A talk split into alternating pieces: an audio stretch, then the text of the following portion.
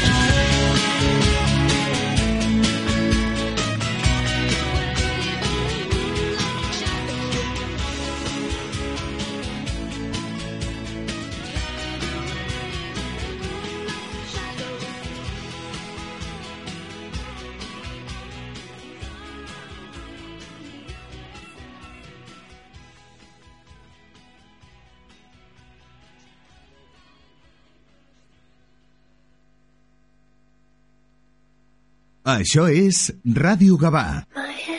La Yad, 25 años gestionando todo tipo de inversiones inmobiliarias, con asesoramiento, tramitaciones y soluciones. En Gabá, si vendes, compras o alquilas, La Yad. Nosotros lo hacemos. Tú, como a casa. Carrer Sant Pere 73, www.finqueslayar.es. Tot aquest temps he vist passar la vida des de la finestra del darrere del cotxe. He viscut cada moment sense importar la destinació. Ara, per fi, sóc jo qui condueix. Toyota Corona, el cotxe més viscut de la història. T'esperem al nostre centre oficial Toyota Star Baix a Sant Boi de Llobregat, l'Hospitalet, Gavà i Molins de Rei. Això és Ràdio Gavà.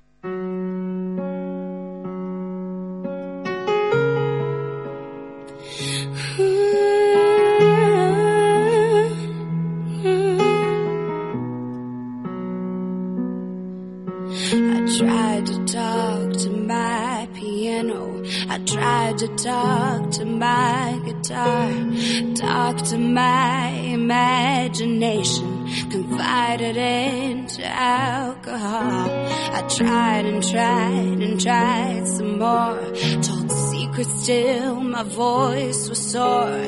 Tired of empty conversation. Cause no one hears me anymore. A hundred million stories and a hundred million songs. I feel stupid when I sing. Nobody's listening to me. Nobody's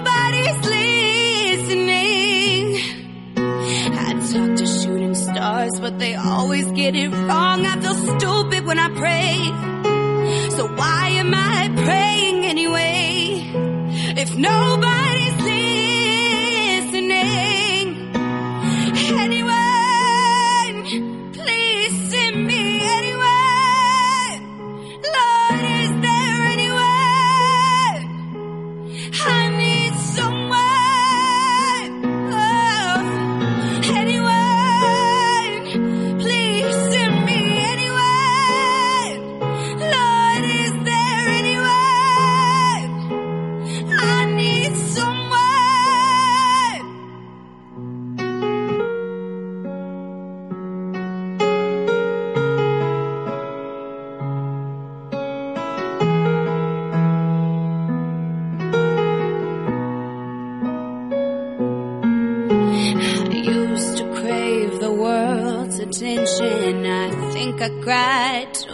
many times.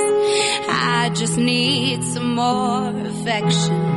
Anything to get me by. A hundred million stories and a hundred million songs. I feel stupid when I sing. Nobody's listening to me. Nobody's listening. I talk to shooting stars, but they always get it wrong. I feel stupid when I pray. Why the fuck am I praying anyway? If nobody's listening,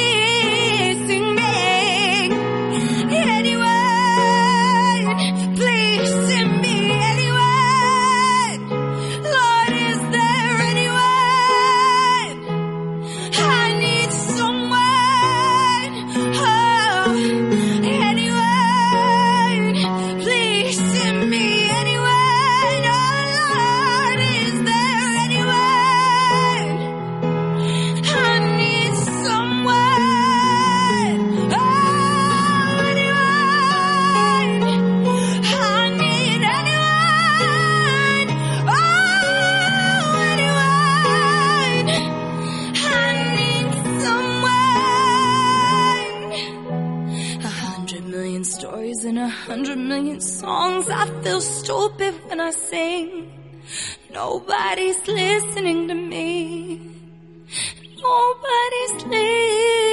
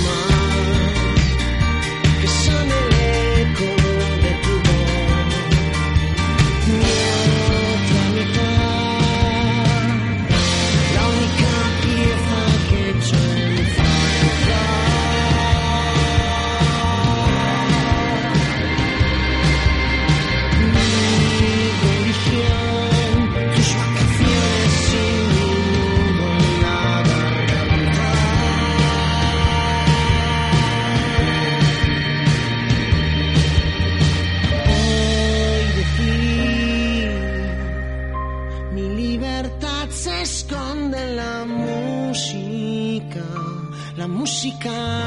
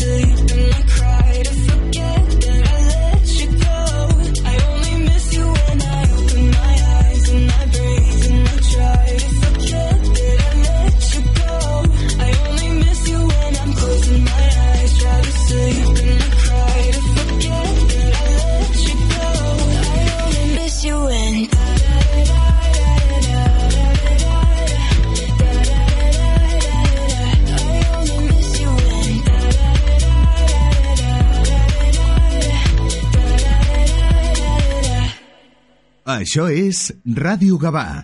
Viu l'acció més trepidant. Descobreix el ninja més famós i al·lucina amb el món de G.I. Joe. Arriba l'espin-off més esperat. Aquesta setmana arriba el millor cinema a la gran pantalla de Cinesa amb Snake Eyes. Consulta cinemes, horaris i qualificacions a Cinesa Cinesa.es. Aquest estiu, la teva destinació és Cinesa.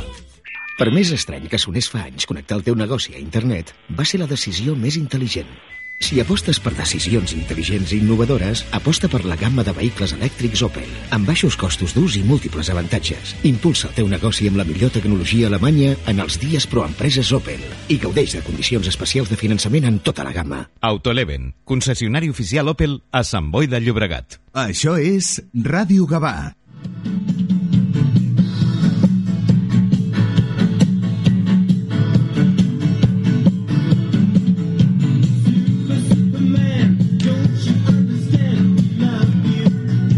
Vosotros creéis, Maite, ¿tú te crees que esta puede ser la sintonía para presentar el refrito de la entrevista que hicimos a Jordi Tarragona y a, a Davila? Bueno, no sé, bueno, eh, sí, sí, Superman es muy de DC y ellos todos son algo de ceitas, bueno. Muy buenos días y bienvenidos a una nueva edición refritosa de agosto del Quinto Fantástico. Bueno, bueno, bueno, pues oye, pues después de... ya estamos prácticamente en el segundo programa, oye, yo creo que podíamos disfrutar bastante de la entrevista que hicimos a Jordi, Jordi Tarragona y, y Sergio Dávila, dos grandes de, dibujantes de nuestros de, del cómic a nivel mundial. Vaya, lo pasamos muy bien. Con el estudio también estuvimos allí con Frank de, del Club de Lectura del Cómic, con Raúl, que nos hizo un asesoramiento genial y pasamos un rato con ellos espectaculares. Yo simplemente os digo que lo disfrutéis porque gente como esta, perdón, y se me olvidaba, Juan Albarrán, nuestro sensei, no, se me podía olvidar, perdón, perdón, perdón. Así que, bueno, yo creo que mejor manera que disfrutarlo es verano, se me puede olvidar, vaya, disfrutarlo y bueno, mmm, también disfrutar de Miguel Bosé y de su super, super, superman.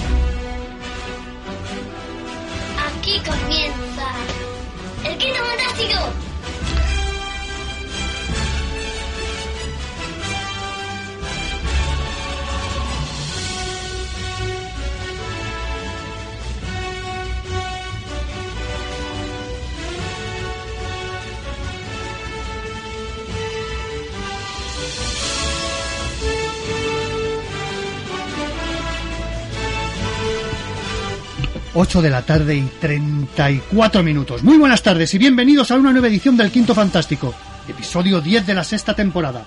Desde este momento y hasta las 10 de la noche, toda la información del mundo comiquero y de lo que lo envuelve. Desde los estudios situados en la calle Guifrel Pilos y fieles a nuestra cita de mes en el dial de tu emisora, en el 91.2 o en la página web de Radio Gaba, emitiendo en velocidad de curvatura. Bienvenido a tu programa de cómics. Un saludo de quien les habla, Alberto Jiménez. ¿Quieres leer un por- cómic por la radio? Este es vuestro programa. Bienvenido a Radio Gaba.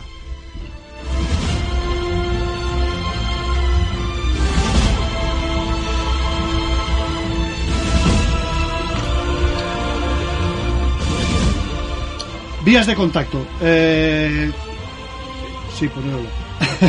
Estos invitados están llegando, están asentándose. Sí.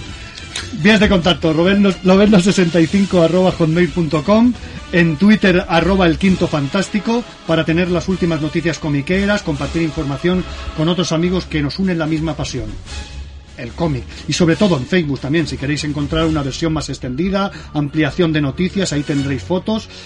En definitiva, es santualidad comiquera. Tenemos hoy el teléfono de la emisora por si queréis entrar. Tenemos una línea abierta. Eh, nuestro teléfono es el 93-662-0080. 93-662-0080. Eh, seguimos estando en iVoox. Nos podéis escuchar también en redifusión durante el fin de semana, eh, en- sobre todo en Amjere Gabá, arroba el quinto fantástico. Allí podéis encontrar todos los programas de la temporada. Y cómo no, saludar a quien nos va a dirigir, quien nos va a coordinar. Hoy no tendremos a Maite, hoy tendremos a Don Carles Sianes, nuestro particular flash. Don Carles, muy buena tarda. Let's do it.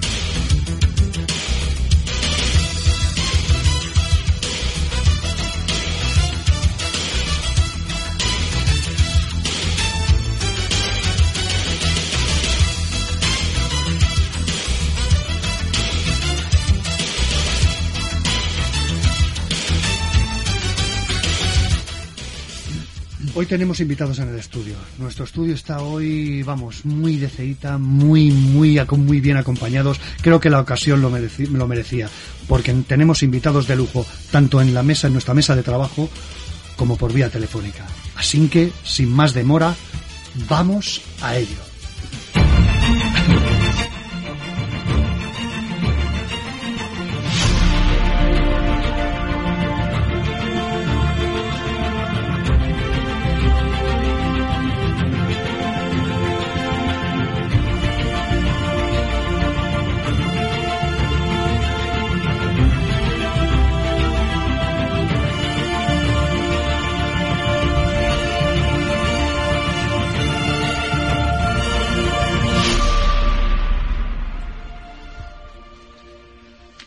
Nuestro, nuestro estudio se viste de lujo para recibir a tres primeras espadas de, del cómic actual, del cómic nacional, en fin, todo un auténtico lujo tenerlos aquí. Comenzaremos por los que están en el estudio y tenemos a Sergio Dávila. Muy buenas noches y bienvenido una vez más al Quinto Fantástico.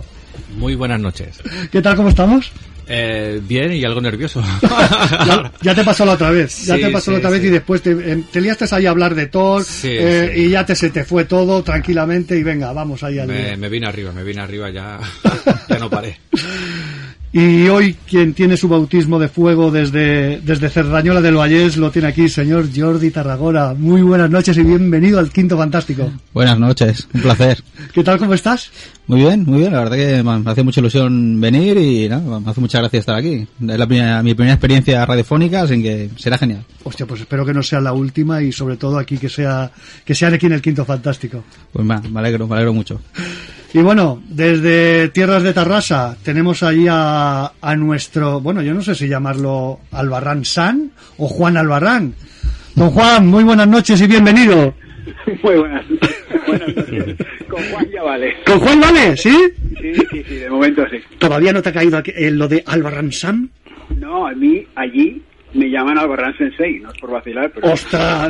Hostia, montate un gimnasio allí. Nos pones a todos en forma, Juan. Eh, Un abrazo, tío. Jordi, ¿qué tal? ¿Cómo estáis? Bien, bien. Aquí estamos. Muy bien. Bueno, ¿y tú cómo estás? Eh, yo fantástico, yo eh, de aquí haciendo un huequecillo en el tema del trabajo para, para charlar con vosotros, que yo como Sergio tampoco es la primera vez, así que, que nada, un placer estar aquí. Oye, genial, genial. Y bueno, tenemos también dos invitados de lujo que se nos han apuntado ahí eh, para, para aportar su granito de arena. Sobre todo tenemos a Raúl, muy buenas noches y bienvenido una vez más al Quinto Fantástico. Buenas noches, Alberto. Y como no, nuestro, nuestro comiquero de, del Club de Lectura del Cómic. Fran, ¿qué tal? Buenas noches. Muy buenas, buenas noches. También nos comentarán alguna cosita, algunas cositas a nivel comiquero que tienen inquietudes de preguntarle a nuestros tres invitados, ¿no? Bueno, oye, mi primera pregunta, ¿os conocéis de simplemente a nivel comiquero, de, de haber trabajado, o os conocíais de antes? Sobre todo porque habéis estudiado algunos, habéis coincidido en Joso. Eh, Jordi, venga tú. Bueno, yo, yo estuve en Joso creo que fue un año y medio y cuando era muy jovencito, así que mm, a nadie he conocido, bueno, de ellos mm, por lo menos no. Entonces, en Joso no. O sea, a todos los conocí, pero a través del, del mundo del cómic. Co- conocidos entre nosotros, entre más gente, entre otros... Otro... No, entre vosotros tres, entre vosotros tres. Ah, entre vosotros tres. Sí. Ah, hostia, claro, Jordi. Dile lo nuestro. Vale, venga. La relación cuál. Sí, sí. ¿La que se puede decir o...? Sí, sí, sí. Vale, vale.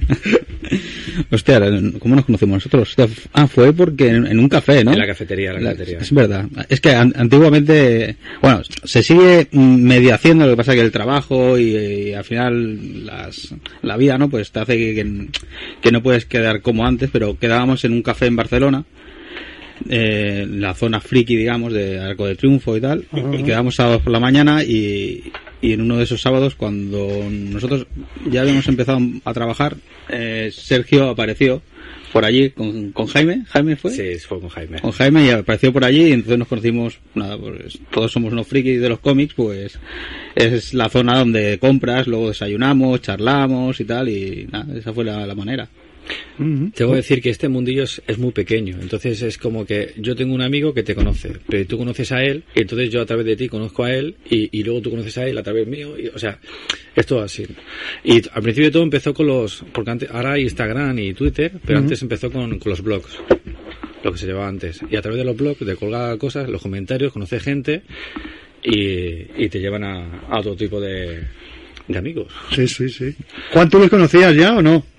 Lo mío tiene tiene miga porque ¿También? sí, sí, sí. No, ver, yo no los conocía antes de trabajar, pero bueno, y ahora supongo que Jordi estará esperando que yo diga esto, pero yo conseguí mi primer trabajo gracias a don Jordi Tarragona. Porque Eh, bueno, eh, la historia que me contó él es que él recibió unas- una, una oferta de trabajo que no, no tenía tiempo de hacer eh, y, bueno, pues básicamente eh, fue preguntando a todos los editadores que, que conocía y tal, no pude encontrar nadie y a mí me conocía de unas pruebas que yo había hecho y de ver mi trabajo en Internet, pero no nos conocíamos personalmente. Y así en frío me envía un email y me dice, oye, que, que aquí hay alguien que necesita en DC unas páginas para Nightwing, que si te interesa. Yo, yo flipé en colores y entonces dije que sí, hice la prueba, conseguí el trabajo. Ese fue mi primer trabajo. Claro, hombre, la- la- las pruebas que hizo Albarrán estaban muy chulas. O sea, hay que reconocer que, que había, había nivel y entonces, claro. Sí, si no, DC no lo hubiese cogido. ¿eh? O sea, por mucho que yo hubiese dicho, si no, no, habría sido imposible. Así que había No, no, nivel. a ver, eso está claro, pero también está claro que si, que si yo no, si tú no, no me propones, yo no me entero de esa oportunidad, ¿no? Entonces yo por eso lo digo. Y a partir de ahí, Jordi me invitó a esta cafetería que comentaba Sergio, y entonces ahí conocí a, a Jordi y conocí también a Sergio y bueno, a, a muchos otros que van a, que iban en este, en este grupo de gente. Oye, eh, Sergio, ¿habías dicho antes a Jaime, Jaime Calderón? No me digas. Sí. Tengo un, tengo, tengo... Ese- ese es una bestia. ¿eh? Ahora, no, ahora, me, ahora me- me- me has dado un subidón. Digo, cuando has dicho Jaime y tal, digo, hostia, digo, digo, vamos, es que, vamos, se va a cenar todas las noches con Jaime Calderón directamente. Bueno, el- yo tengo muy buena relación con él. día Sí, amigos hace muchos años. Sí, sí, yo entré, bueno, él fue lajoso, yo también fui lajoso, y yo estoy aquí sentado y yo me estoy ga- ganando la vida dibujando cómics gracias a Jaime. Fue quien me, me pegó la pata en el culo para, para que tira más adelante aún esto y, ¿Y no llegaste a estudiar en su escuela, en FENA? Sí, sí, sí, estuve allí, estuve allí, por eso eh, que fue, estuve allí durante unos años y mm, vi actitudes y aparte, ya no actitudes, sino que tú mismo puedas tener eh, las ganas. Porque tú puedes tocar, tú quieres aprender a tocar la guitarra y vas una hora a la semana y no practicas en casa, es como si no hicieras nada.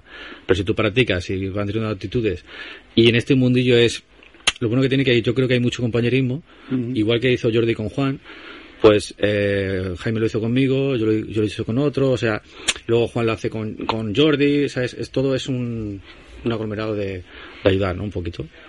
Es fantástico y sobre todo, bueno, muchas ve- cuando hemos hablado algunas veces existe ese WhatsApp de, de que, os con- que os comentáis ahí vuestras confidencias Bueno, y demás. Bueno, más, más de alguna cosa. Hay, WhatsApp, hay, WhatsApp, hay un grupo de WhatsApp peligroso por ahí. Más que comentarnos cosas, estamos troleándonos constantemente. Esa es la realidad. Eso, eso, eso es buenísimo. Eso es buenísimo. Eso es sangre. No, no, pero es, es, es simplemente que en este colectivo que haya este buen rollo, que no haya un, un nivel de, de competitividad, ¿no? Como parece que a lo mejor puede haber visto desde fuera, ¿no? Y dices, hostia, no, voy a intentar a ver si le saco el trabajo a este, tal, o el otro, tal. no. Normalmente no, no, no es así. No, no, eso no es, lo- es. A ver, la competitivi- competitividad la tienes, digamos, contigo mismo y luego también, lógicamente, eh, el mercado americano es, es voraz. O sea, estás luchando, digamos, por tener un puesto constantemente. Claro, no es que tú estés queriendo quitarle el puesto a nadie, estás lo que quieres es tener trabajo. Entonces, claro, siempre tienes que esforzarte para, para hacer lo mejor posible para que te sigan dando trabajo, pero es lo que te marca el, el mercado para que tú puedas seguir trabajando, ¿sabes? No es porque te quiero quitar el trabajo, no. No, pero yo creo, yo creo que lo que hay es, yo por lo que veo, ¿no? Así- hay un pique sano. Es, eh, me alegro un montón por ti, porque Sí. te lo mereces, porque te conozco y sé lo que has eh, luchado y sé lo que te cuesta y sé el nivel que tienes. Me alegro un montón por ti, pero yo también quiero lo que tú tienes. Y, y, y, y a nosotros nos pasa, cuando nos enseñamos Sí. las páginas, eh, yo por ejemplo la sensación que yo tenía era, yo veía las páginas y digo, hostia, qué guapas, tío, no sé qué. Y, y yo llegaba a casa y me frustraba y, y me picaba yo mismo para mejorar. Porque claro, tú, vas, tú estás solo en tu casa y tú no sabes. Y cuando ves el trabajo de otro dices, hostia, se te cae el huevo, bueno, puedo decir palabras, no. Sí, estamos ya afuera, sí. vale, se te cae se te cae huevo al suelo y dices, hostia, entonces te pones las pilas tú mismo para intentar eh, ponerte a nivel de él. Pero es un pique como sano, ¿eh? Y luego eh, lo vuelves a ver, tú, tú enseñas tus páginas ahí dándolo todo y lo vuelves a ver al otro que tú has mejorado, pero es que el otro también. ¿Sabes? Y es, es un pique eh, sano de todo. Y te intentas como, hostia, el avance yo también quiero avanzar. Es, es una de esas profesiones, ¿verdad? Que, que la gente trata de, de avanzar, pero no para, para ganar más dinero, que también, ¿no? Bueno, hombre. Pero que también es importante. ¿eh? Cuando final- llevas unos años ya te digo yo Claro. pero, pero sí que es verdad que el, el- el avance ese que hay de, de, ¿no? de, de quererte superar, que lo, lo has Sí, súper sí. bien, ¿eh? Es, sí. es algo personal y la- el, el crecimiento como artista, Sí. ¿no? Que, que es algo que, que miramos mucho y tal. Y, y yo no lo podría haber definido mejor. vamos. Yo, yo creo que yo creo que es creo eh yo eso depende de ya de cada uno no pero yo creo que es eh, uno am- em, para ir mejorando y que te viene bien para ti mismo para aprender más. Y porque yo creo que hoy en día quien sepa que ya lo dibuja todo de puta madre y ya lo sabe hacer todo ese para mí eh hombre a lo mejor puede ser un tío de la hostia no pero yo lo valoro más a alguien que, que quiera aprender que esté dispuesto a aprender y que reciba las críticas bien. Porque en este mundo eh, no hay mal rollo, pero hay egos. Y Sí, sí, que- sí, sí, eso sí ahí que- es lo que lo único que Oye, Juan, eh, llevaste muchos portafolios, a- ahora que estamos hablando de comienzos y demás, llegaste a llevar muchos portafolios allí a editoriales, venga, pum, esto, lo otro y tal, ¿tú? No, a ver, yo lo mío fue, bueno, eh, ya Aparte de, aparte de que tuviste de padrino a Jordi. Claro, claro, no, bueno, a ver, lo mío fue así de pelotazo, me lo encontré la primera, luego es verdad que eh, desde ahí hasta que como conseguí volver a entrar en DC en una serie regular, que ya se fue, ya fue cuando entré en Injustice. Eso es más complicado, ¿eh? Sí, eso pasó un año y, un año de muestras. Entonces, en el yo envié solo, y ahora la gente me va a matar porque imagino que habrá gente que, que habrá presentado muchos portafolios y tal, pero yo envié, o sea, fui al Salón de Barcelona una vez con portafolios y no me lo cogieron, ya eso después de haber publicado. Pero yo creo que tenía ma- más que ver con el hecho de que buscan dibujantes y no tanto tintadores y coloristas, sino con el, o sea, tenía que ver con eso, no con la calidad del trabajo que era mejor o peor. Entonces yo lo que me di cuenta de que allí yendo a los al salón, al menos en la época que 2013, 2014 por ahí, pues no, no iba a tener mucha suerte. Entonces yo me dediqué a hacerlo por email. Entonces lo que sí que hice era hacer muestras cada dos, tres semanas y enviar emails a, pues no lo sé, 30, 40, 50 personas en Marvel, DC, Dark Horse, todas las editoriales.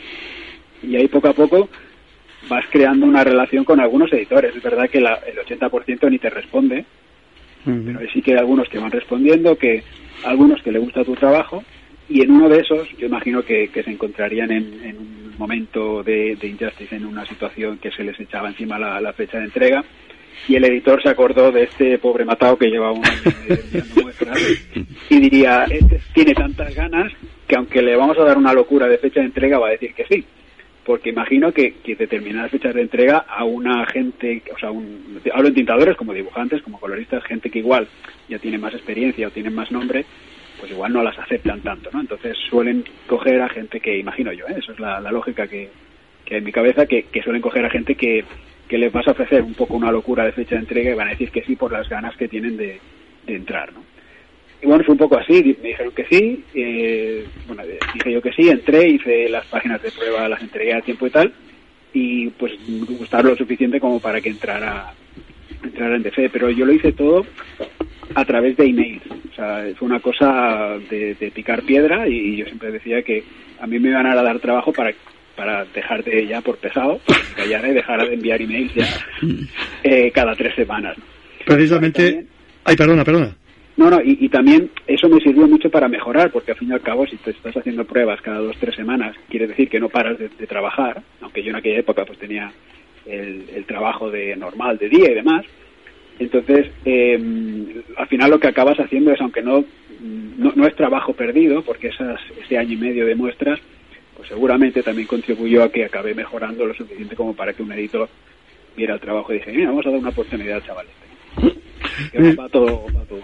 Sí, precisamente eh, hablando contigo en la primera entrevista, sí, hablando de, que de que de que eh, es difícil ese paso y con y con Dávila también lo hablamos de que es difícil ese paso de que estáis trabajando y decir, oye, me voy a me voy a dedicar a- al, al tema de dibujo, entintador y tal. Tú también tuviste que dar, Jordi, ese paso de decir, estoy trabajando y lo dejo y me voy, me centro ya en esto. Sí, sí, lo mío fue además muy radical y también un poco kamikaze. Yo pienso que también mi... eh, a lo mejor el no saber realmente dónde me metía me tiré de cabeza porque yo bueno estuve trabajando en muchísimos trabajos Eh, lo último en lo que, bueno, también estuve muchos años fue eh, en la construcción.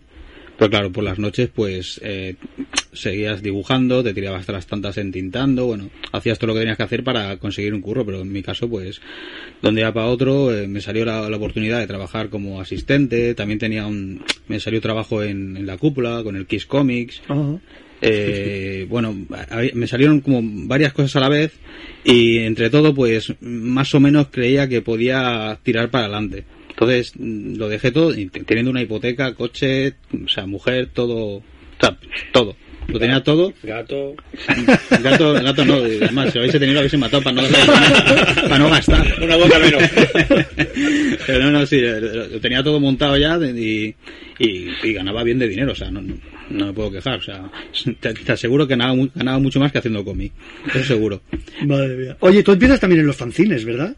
Sí, sí, sí, totalmente. Mi, mi época de fancinera, vamos, me lo pasé genial. En Sardañola, en, en Abraxas, hicimos, bueno, fanzines durante muchos años y luego también eh, montemos hasta una pequeña editorial entre los compañeros y tal, que se llama Boom Comics, es exa- exactamente como se llama la editorial americana. Sí, sí, sí, sí, pero no estaba. ¿Sí? No estaba, sí, sí. La copiaron editorial americana no, existía y nosotros montamos Boom Comics. Madre mía, denuncia, hombre, denuncia. Sí, sí, Vamos, pues, y como le va el tema a los americanos de la denuncia, vamos, lo hubierais ganado directamente. Sí, pues, pues estaba, la editorial estaba y tal, y lo que pasa es que, claro, era en plan muy, muy pequeñita entre unos compañeros que éramos todos fancineros, o sea, no teníamos el nivel de, de hacer un cómic en, en plan profesional, pero bueno, la ilusión estaba ahí y, y poniendo dinero de, claro, trabajando como trabajamos entre semana, pues intentábamos sacar un cómic igual que a tres meses, cuatro, pero, pero sí, saquemos unos cuantos y, y fue una experiencia bonita. El tema fanzines fue muy chulo. Eh, Sergio, ¿vosotros hiciste fanzines? Eh, no. ¿No? Yo no, no, no. Yo pasé. Mi primera cosa que yo conseguí fue un año que subí. Me fui a Angulem a la aventura con mi, mi novia, que es mi mujer en ese momento. Y precisamente fui con Jaime. Anda. Y él fue a firmar y nosotros fuimos de, de aventura. Y yo me llevé mi, un portafolio. Y me fui. Eh, si habéis ido alguna vez a Angulem, va por. Va, va por Hay que ir, hay que ir un año. Ah, Tenéis que ir. Son, somos como, como carpas, ¿no? Y cada editorial tiene su carpa. Pues yo, como sabía que no tenía nivel para irme una, a la carpa de las editoriales potentes, me fui a la carpa de los, de los fanzines. Pero los fanzines en Francia es distinto que aquí en España. Ya ves. Los fanzines en Francia es como si fuera un cómic aquí, en España. Sí. Es una pasada.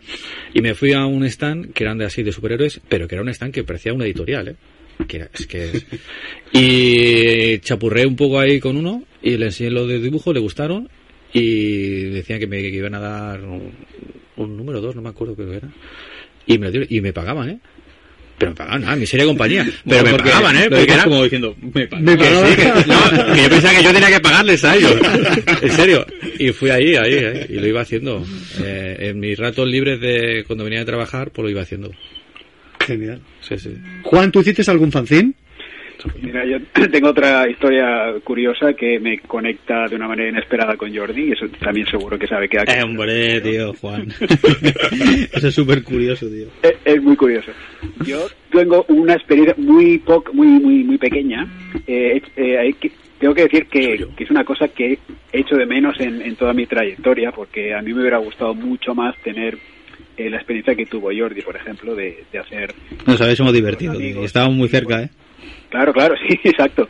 Ahora lo explico. Pero yo fui de, de, de básicamente hacer pruebas solo en casa al tema profesional y la parte de hacerlo por diversión casi casi que, que no, no la tuve. Porque yo fui a la universidad, eh, cuando era joven ya, en la edad de piedra, y conocí a un, en la Facultad de Derecho de aquí de, Barcelona, eh, de, la, de la Autónoma en Bellaterra, yo conocí a un tal Jaime eh, Martínez, que, que aún a día de hoy es dibujante y que curiosamente eh, vivía en Sardañola y él era amigo común de Jordi, pero yo no lo sabía. Y por aquella época, yo me enteré como 20 años más tarde. Entonces participaba en este fanzine, Abraxas, que acaba de mencionar. Entonces yo hice, hice algo, no sé si, si, eh, si alguna ilustración o algo, yo hice o algunas pruebas, alguna cosa, pero yo participé muy poquito. eh, y luego un poco, un poco más adelante, como un par de años después de la universidad, y yo estuve una época, varios años, en que por lo que sea, no de de claro, la vida te lleva por otros caminos, yo dejé de leer y de, y de dibujar cómics durante varios años. Entonces ahí es, la época en que yo me perdí, digamos, la, etapa fancinera, lo de hacer cómics con, con amigos, por diversión y tal. ¿no? Y entonces, pues, eh, bueno, tuve esa etapa, ya perdí el contacto con, acabo, después de, de muchos años con Jaime. Conocí a, a Jordi y más adelante, hablando yo con él, comentando esto, me dice, Jaime, Jaime, si yo conozco a Jaime. y yo no lo podía creer. Y años más, incluso dos o tres años después de eso, eh, yo en una presentación de, de Norma, eh, que de una- unas firmas que hice presentando Me ha pasado algo muy bestia, que el, el cómic de, de, de Jaime, eh, de Julián López y demás, y del Torres, El Torres. salí en, en la cuenta, en la foto, en la cuenta de Facebook de, de Norma. Y Jaime me vio, me reconoció y se puso en contacto conmigo. Y eso sería, que te digo, el 2015, 2014 o así. Y, y, a, y a partir de ahí, pues reconectamos. Le dije, oye, que yo conozco a, a Jordi y todo eso. Y no nos lo podíamos creer. Y se hizo la reunión en un salón del cómic, de ahora que dos años más o menos. Sí, muy curioso porque estaba firmando lo de. ¿Cómo se llamaba el el cómic que ha publicado con, con el Torres? El de la monja, ¿cómo se llamaba? Ritual. Eh, Roman y Ritual. Exactamente. Roman Ritual, exacto. Ahí, lo estaba firmando allí y tal, y nos reunimos en ese salón y fue, fue muy chulo. Fue muy Porque curioso. ahora Jaime ya no, ya no vive en Barcelona, vive en, en Zamora, ¿no? Sí, en Zamora. Zamora, hace ya muchos años. Entonces, claro, nos cuesta, cuesta reunirnos. Bueno, pues oye, una so- seguro que en algún salón del cómic habrá alguna ocasión. Sí, sí, ya, ya nos hemos visto más veces, ¿no? Pero, pero esta fue, fue especial. En ese sentido, estuvo muy bien, estuvo muy bien. Oye, vamos a un poquito con el tema, con, con vuestro trabajo. Sobre todo, a mí me ha dado mucha pena, Sergio, que me- el Conan asesino, bueno, a ver, con el follón este de los derechos, de que se ha ido a Marvel, pero bueno, mientras lo tenía Dark Horse, la historia, la historia de estos seis números, bueno, al principio eran doce, después se convirtieron en seis, pero os, os gana, traslaran, Kirilo, la bruja del mar, toda esta historia, eh, y veías un Conan muy, muy equilibrado, ¿no? Muy jovencito, a mí me, a mí me, me gustó mucho, vaya, no sé. Qué pena de que se haya dejado de, de seguir editando. Pues más pena me dio a mí. ya, ya, ya, ya. No, no, no, sí, no, a mí me y a mí la noticia me pilló por sorpresa porque yo le escribí un mail al guionista y al editor con unas ideas porque claro, la historia iba encaminada hacia un lado y yo le, le sugerí no, o sea, aportar un- una pequeña cosa y cuando me dijeron, sí, sí, hostia, muchas gracias y luego me contestaron, oye, que al final se cancela la serie y que se acaba esto. Y dije, joder, tan mala era mi idea. Es que fue una pena, porque, a ver, habiendo hecho tú la portada del 35 años, que portadaca, los seis números tienen uno... Por cierto, una pregunta antes de que de eso. ¿En el número 6 ya hay dibujos que no son tuyos? No, es que cuando, cuando tú eres el dibujante regular de la serie, cada X números ah, ponen, hacen, hay un feeling, ponen, ponen otro dibujante, y para que tú ese mes descanses. Ah, vale, es que yo vi un cambio tremendo. Son digo, 12, ¿sabes? son 12 números y el, el número me parece el 6 lo hace otro chico. Sí. Y el número... Hostia, no sé si el 10 o el 11, no me acuerdo. No, me- no me- Para que tengas algo de vida, ¿no? Que también está bien. Sí. bueno, a mí me da igual, ¿eh? yo quería hacerlo todo. ¿eh? Lo que pasa es que... Fue, una, aut- fue una auténtica pena, ¿no? Porque, vamos, yo creo que la historia era buena. Veíamos un Conan muy, muy ahí, un poquito orígenes, muy jovencito y tal, como habías explicado la otra vez. Mm. Yo, me, yo me divertí mucho en los seis números. Me lo pasé bien. Me alegro, hombre. a mí me gustó, me gustó mucho hacerlo, sí. Y sobre todo, bueno, con el tema de Dynamite, ahí has estado también con The Army of Arcans, ¿no? Sí, ahora estoy, eh, mientras eh, lo que estoy haciendo ahora para DC, eh, en- claro, es como ya vas pillando contactos con editores editoriales, vas pillando contactos con editores, y ya ellos confían en ti, pues te van ofreciendo trabajos. Entonces hay trabajo que lo puedes coger y trabajo que no lo puedes coger. Y entonces eh, yo dije, di, mira, yo no te puedo coger, no te puedo hacer estos proyectos, pero te puedo hacer portadas. Entonces me van dando portadas y estoy haciendo las portadas de, de Army and Dark también. ¿Y de Terrific, que está- estás haciendo dibujo? Terrific soy eh, ahora mismo el, eh, parte del equipo artístico de la serie. Ah, Somos dos equipos, eh, equipos creativos y unos no sé quiénes son porque no me acuerdo yo- mira, yo ahora no me acuerdo. porque no me acuerdo No sé, no sé. no me acuerdo y el otro equipo somos Vicente de Cifuentes y yo Ah, Cifuentes a, la- a las tintas y yo al dibujo y está quedando guay genial. así Genial. aquí a España Desde aquí le mandamos un abrazo muy fuerte al resto del equipo también, ¿no? Allá, donde, donde quiera que esté. No, es que yo, yo estoy haciendo, eh, tengo que hacer cinco números seguidos. Y claro, no es como, por ejemplo, Jordi con los Greenlands, que hacían un número uno, o sea, un número ellos, otro número otro, o sea, era como. Bueno, eso fue al principio. Al ¿eh? principio. Pero luego se hacen arcos argumentales, que supongo que es lo que te hacen a ti, ¿no? Sí. Te hacen Luego- un arco, tres o cuatro sí. números seguidos. Sí. Luego, en- cuando tú estás haciendo eso, digamos que hay otro están arco que lo está haciendo otro, otro equipo. Claro, porque pasa que lo- toda la línea de C de este año pasado y tal, bueno, hace dos años creo ya, es eh, quincenal. Por eso pasa este tema. si no, Sí. si no se Si podría, no es imposible. No llega a tiempo. Jordi, vaya, vaya unos marronaco, bueno, el legado de Jeff Jones ahí con Green Lantern, cogerlo, cogerlo vosotros con Rafa Sandoval ahí a tope. sí, yo sí, creo sí. que es, yo creo que es, vamos, eso es, no sé, es- es- muy chulo, tío. Y además un personaje con, a ver, tú eres dibujante, pero con muchísimo colorido. ¿no? Entintador, entintador. Entintador, perdón. Sí, sí, sí, sí, muchísimo colorido y muchísima fuerza. Además que a Rafa se le da muy bien este tipo de personaje porque eh, consigue hacer unas splash muy chulas y tal, ¿sabes? Muy, unas cosas muy potentes. Y creo que al personaje este le, le iba muy bien. Rafa con este tipo de personaje funciona, funciona muy bien. ¿Sabes? Lo, consigue plasmar en la, la página mucha, mucha, mucho impacto, mucha potencia, ¿sabes? Entonces, con la ayuda también de Tomeu Morey, que, que hacía unos colores impresionantes, que haciendo temas de personajes del espacio, aliens y todo esto, se le daba genial, ¿sabes? Ah, ya venía con la, con la veteranía de haber hecho personajes así desde el espacio y demás, ¿no? Eh, ¿Te refieres a, Sí. a Tomeu? O... Sí, Tomeu. Pues, Tomeu como colorista ya ha hecho de todo. Puede hacer lo que quiera. Ha hecho, vamos, de todo. Es una pasada lo que hace este hombre. Qué genial, qué genial. Oye, y Juan, la Liga de la Justicia Oscura, mm, no era, al principio no era la que iba, de las tres que se derivaron, no era la que iba a tener todo el éxito, ¿no? Y lo cogéis ahí y, y genial, ¿no? Sí, a ver, bueno, yo tengo que decir que personalmente es mi favorita. O sea que desde el punto de vista artístico, yo cuando hicimos aquellos números ahí, para mí fue lo mejor. Em, nosotros eh, hay que reconocer que nos beneficiamos del, del- de la inercia del peda- pedazo de trabajazo que hicieron Álvaro y Raúl, que eran el equipo creativo principal, que aún lo son a día de hoy, de la serie. Y como decía Sergio antes, pues a veces los, eh, equipos creativos necesitan un descanso o se, les acerca las fechas de entrega, entonces traen un segundo equipo creativo. Nosotros hicimos varios números ahí.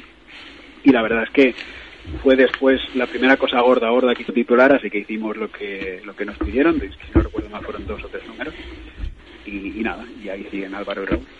Volviendo un momento a Green Lantern otra vez, sobre todo en estos, och- porque es la conmemoración de los 80, de los 80 años de Sí, Green Lantern sí, y demás, sí. ¿no? Esta pregunta eh, es que Velamanda, Velamanda la ley, que es nuestro reseñista, nuestro reseñista de Ceita, que bueno, que, y quiere saber un poquito qué, qué supuso, si conocías al personaje, si habías trabajado con él, con Green Lantern alguna vez. Eh, con Green Lantern, mira, precisamente cuando estábamos trabajando en, en Valiant, que estábamos haciendo lo de X, X Manowar, pues estábamos trabajando con Robert Benditti, que, que- que es el que hacía los guiones y tal, y teníamos, bueno, tenemos una muy, muy buena relación. La verdad que es un tío súper majo. Y en el momento que aca- acabamos contrato con, con Valiant, pues se nos dio la oportunidad de, de regresar a DC. Porque hacía ya, pues, no sé si era un año o año y medio, así que estábamos fuera, porque bueno, porque queremos una serie y tal, y bueno, nos salió la oportunidad esta de Valiant. Y bueno, y a, y a la vuelta nos ofrecieron hacer un número de Green Lantern.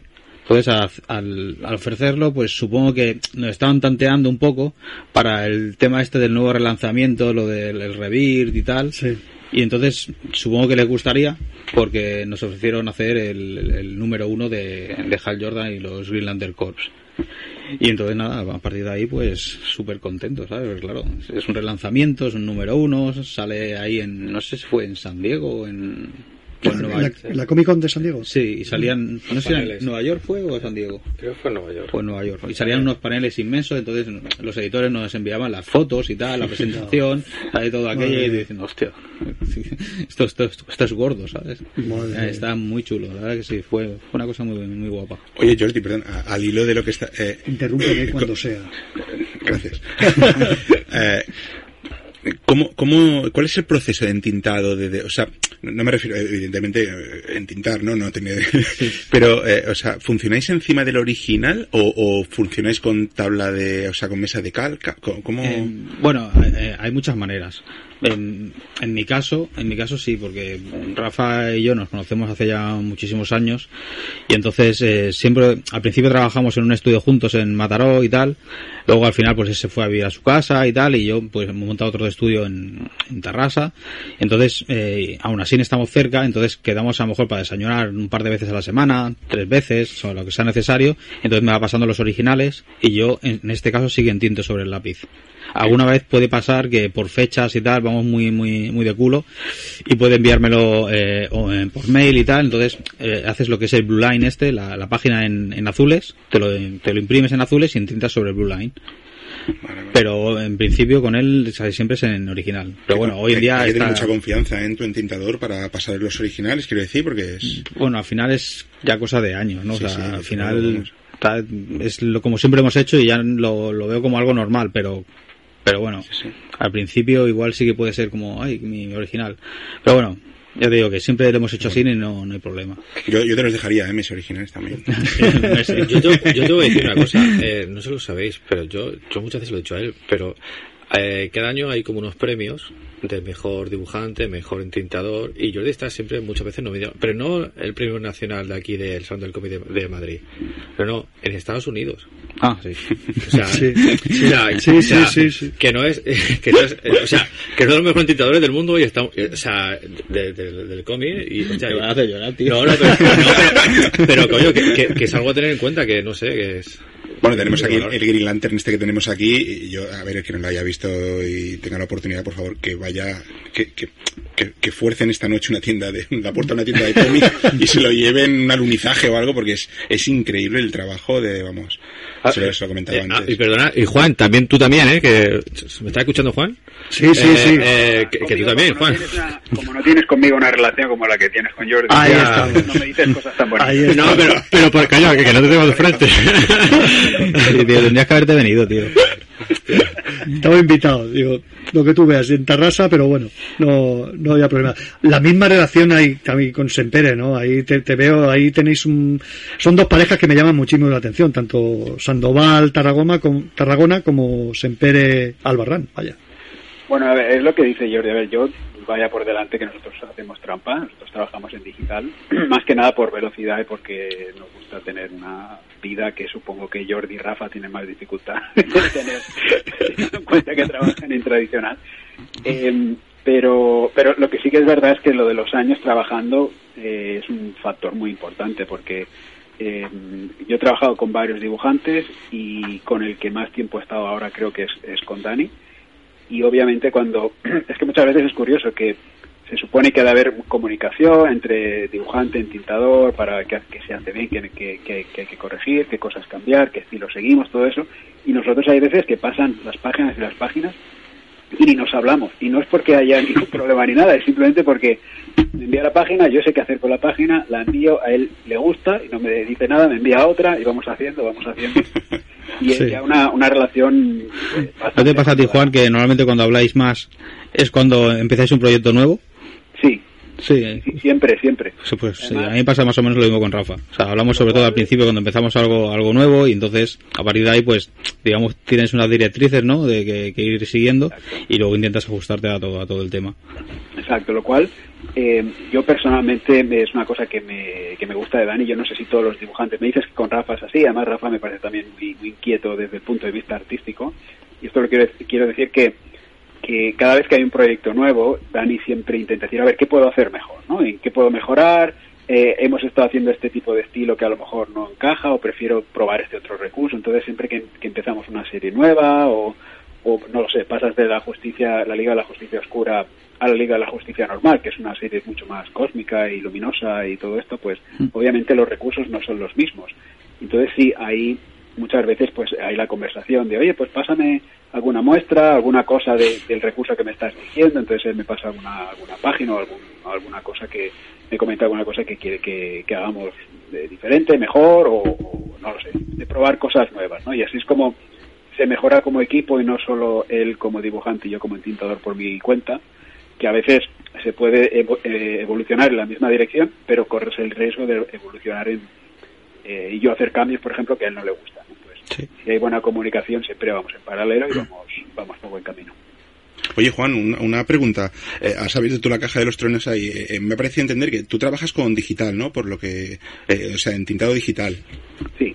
Mm, Vale. Eh, aprovecho la pregunta. Digital contra tradicional, ¿qué opináis? No se, no se puede parar el progreso, tío. O sea, el digital se lo comerá todo al final, ya lo verás. No, mira, a ver, vaya por delante que a mí me gusta más en papel. Es decir, la, la sensación de tener un original en la mano, eh, eso no cambiará nunca.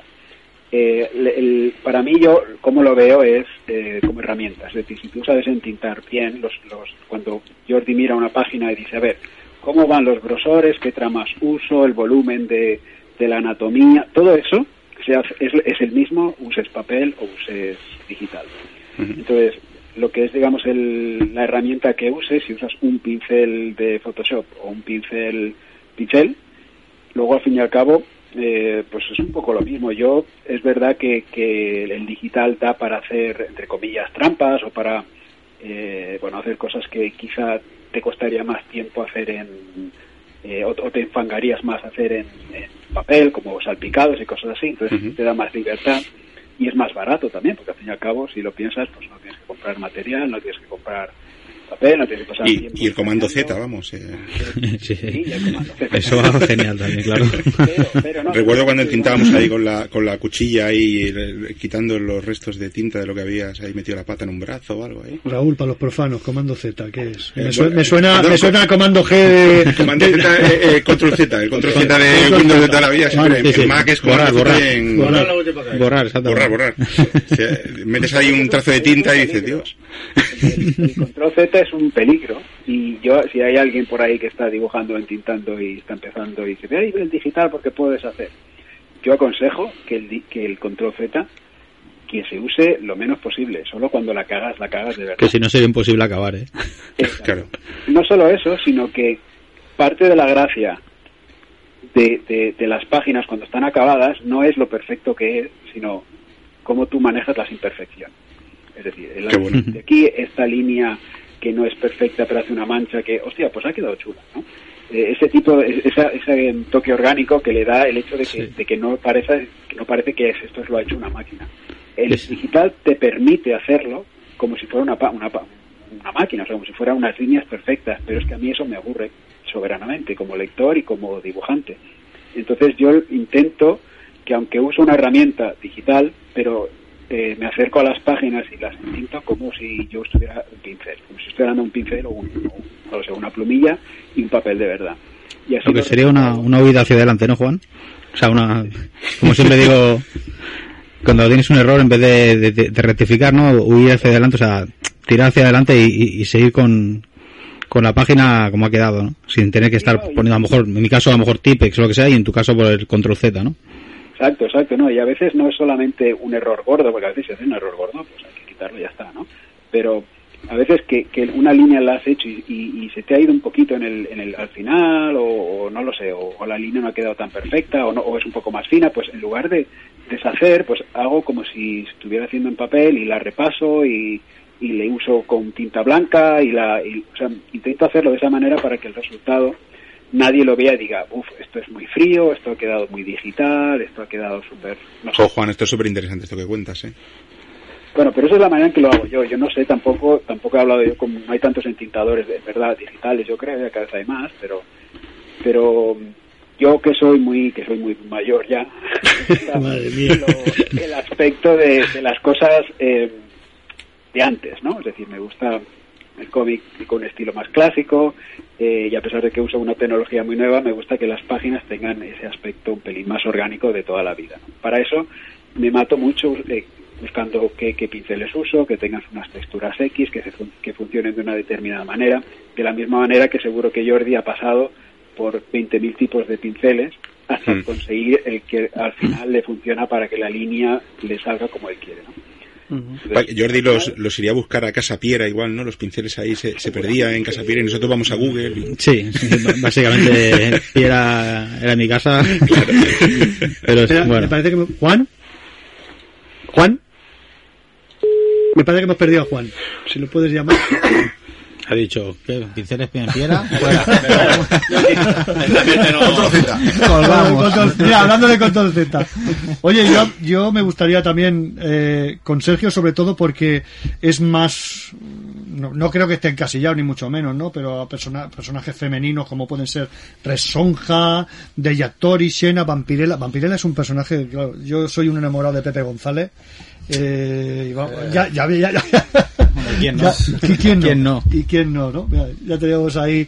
¿Y quién te entinta en, en Vampirella?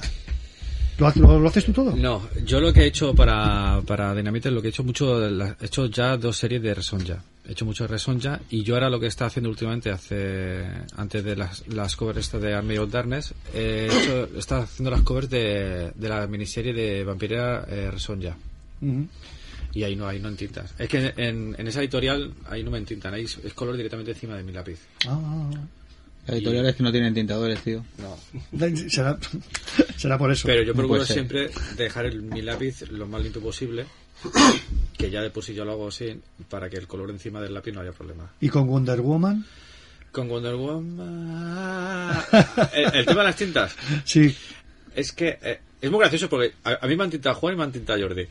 Y, y en Wonder Woman eh, hice dos números o tres, no me acuerdo. Y tuve en un número cuatro tintadores, ¿no? Que- Mar, que- Mar Morales tuviste? Tuve al Mar Morales, que fue una, una página, una splash, una doble splash, que fue Mar Morales hace cosas muy chulas. Tuve a- en un número, no, en, dos en los números tuve eh, al Scott Hanna, a Herbert Ferreira, Ferreira, ¿no era? El Ferreira, otro máquina. El Mar Morales y el otro no me acuerdo. Y, y el Mick Gray. Joder, no es que hay- no hay ninguno manco. Es que, Es que, mira, Es que a, a mí. cogió a- venga, eh, es que a mí una todo- suerte- todos los buenos. Tuve una suerte y encima me, me- me coloreaba el, el Rómulo Fagardo, tío. Hostia, todo. Que era como, venga, todo, verdad, venga, verdad. Me acuerdo, ¿sabes? me acuerdo de las páginas. Ahí el, el malo era yo, tío. O sea, era una pasada todo lo que había ahí. Y digo, madre mía, el Scott Hanna a mí eh, no me va a escuchar, ¿no? No, no creo. va a escuchar esto. A mí me hizo un Cristo. Y porque se nota, porque es un tío que tiene... Joder, la verdad. Se nota que el tío eh, va a lo que va y el tío tiene huevos pelados. Y el tío entinta un montón de cómics y tiene mucha años de experiencia y toda la hostia. El Man Morales me gustó mucho. El, el Ever Ferrer también me encantó, pero el que me enamoré es el, el Mick Gray. Hostia, es que yo... Y encima que me, me intentó una doble splash y una página. Y dije, hostia, es que se nota cuando he intentado el bono, igual que a Jordi. Jordi cuando... El primer dibujo que tú me tintaste fue, fue las comisiones esas cuando fuimos Ah, al sí, la de, de- de, de, ¿no? Al- al- la cosa, cuando fuimos a Clermont, Fer Sí, Clermont Ferrand. sí, sí, que, que me, me, me metieron un montón de comisión y yo dije, oye, que esto lo, que dice, esto lo tinta Jordi. ¿Te acuerdas que, Sí, pero era porque la- las querían entintadas. Sí, ¿no? la O quería algo así. entintada y yo no, yo no, no me gusta entintar, ¿no? Entinta muy poco, pero no me Mm. gusta. Me da, no sé, no. Mm. Y si puedo, siempre lo, lo digo al, al cliente, bueno, si quieres te lo entinta Jordi, que es un profesional, y aparte que es, que es amigo, que no hay problema, que pues lo puedes tener, o sea, se lo puedo yo enviar y eso. Y cuando vi las tintas Jordi dije, oh, venga. y encima la cosa, encima la cosa que es un Sí. personaje que yo creo que da mucho juego. Da mucho juego, sí, sí. Sobre todo el tema de las piedras y tal, las texturas, puedes hacer muchísimas, muchísimas cosas. claro. También depende, claro, de- del tiempo. Es como todo, cuando trabajas en el mundo del cómic, todo depende mucho del trabajo, de- del tiempo que tienes para hacer ciertas cosas. Entonces, que tienes que hacer una página o una comisión, lo que sea, pues claro, dices, eh, tengo un día, tengo mediodía, tengo entonces, según fecha de entrega o, si vamos a un salón o lo que sea, pues claro, puedes hacer eh, lo que es lo básico en tu trabajo, que es volúmenes, editar, embellecer, lo que todo, todo el tema básico, y luego a partir de ahí, cuando tienes más tiempo, pues puedes empezar a pensar en texturas y en ese tipo de cosas que cuando tienes tiempo es, es una gozada. Porque puedes utilizar, no sé, o, no sé, o esponjas o mil herramientas que puedes, que te pueden servir para, para probar, claro. Pero, claro, el papel tiene eso, que también requiere cierto tiempo para, porque no, no, no- puedes tampoco, en este caso, por ejemplo, si quieres probar cosas, control Z en, en digital es genial. O sea, yo también he estado haciendo algunas pruebas con digital, también tengo tableta gráfica en casa porque, lógicamente, es, eh, hay, hay veces que tienes que hacer algún retoque en la página porque o bien no le ha gustado al editor alguna cosa o hay que corregir porque este iba con chaqueta o este traje no era así. Entonces, el digital te da el poderlo hacer en el momento sin tener que otra vez imprimir una página, hacerla, eh, entintar la mano. Entonces, este es un proceso muy largo y tedioso y en digital es un momento. Es- y va bien. Juan, ¿estás ahí, no? Estoy, estoy, no sé qué he hecho, pero... Vale, no te preocupes. Vamos a tomarnos Bueno, que es la tecnología. La del control Z. 30 segundos. Escuchamos 30 segundos de una banda sonora y volvemos otra vez con nuestros invitados. Venga, espera,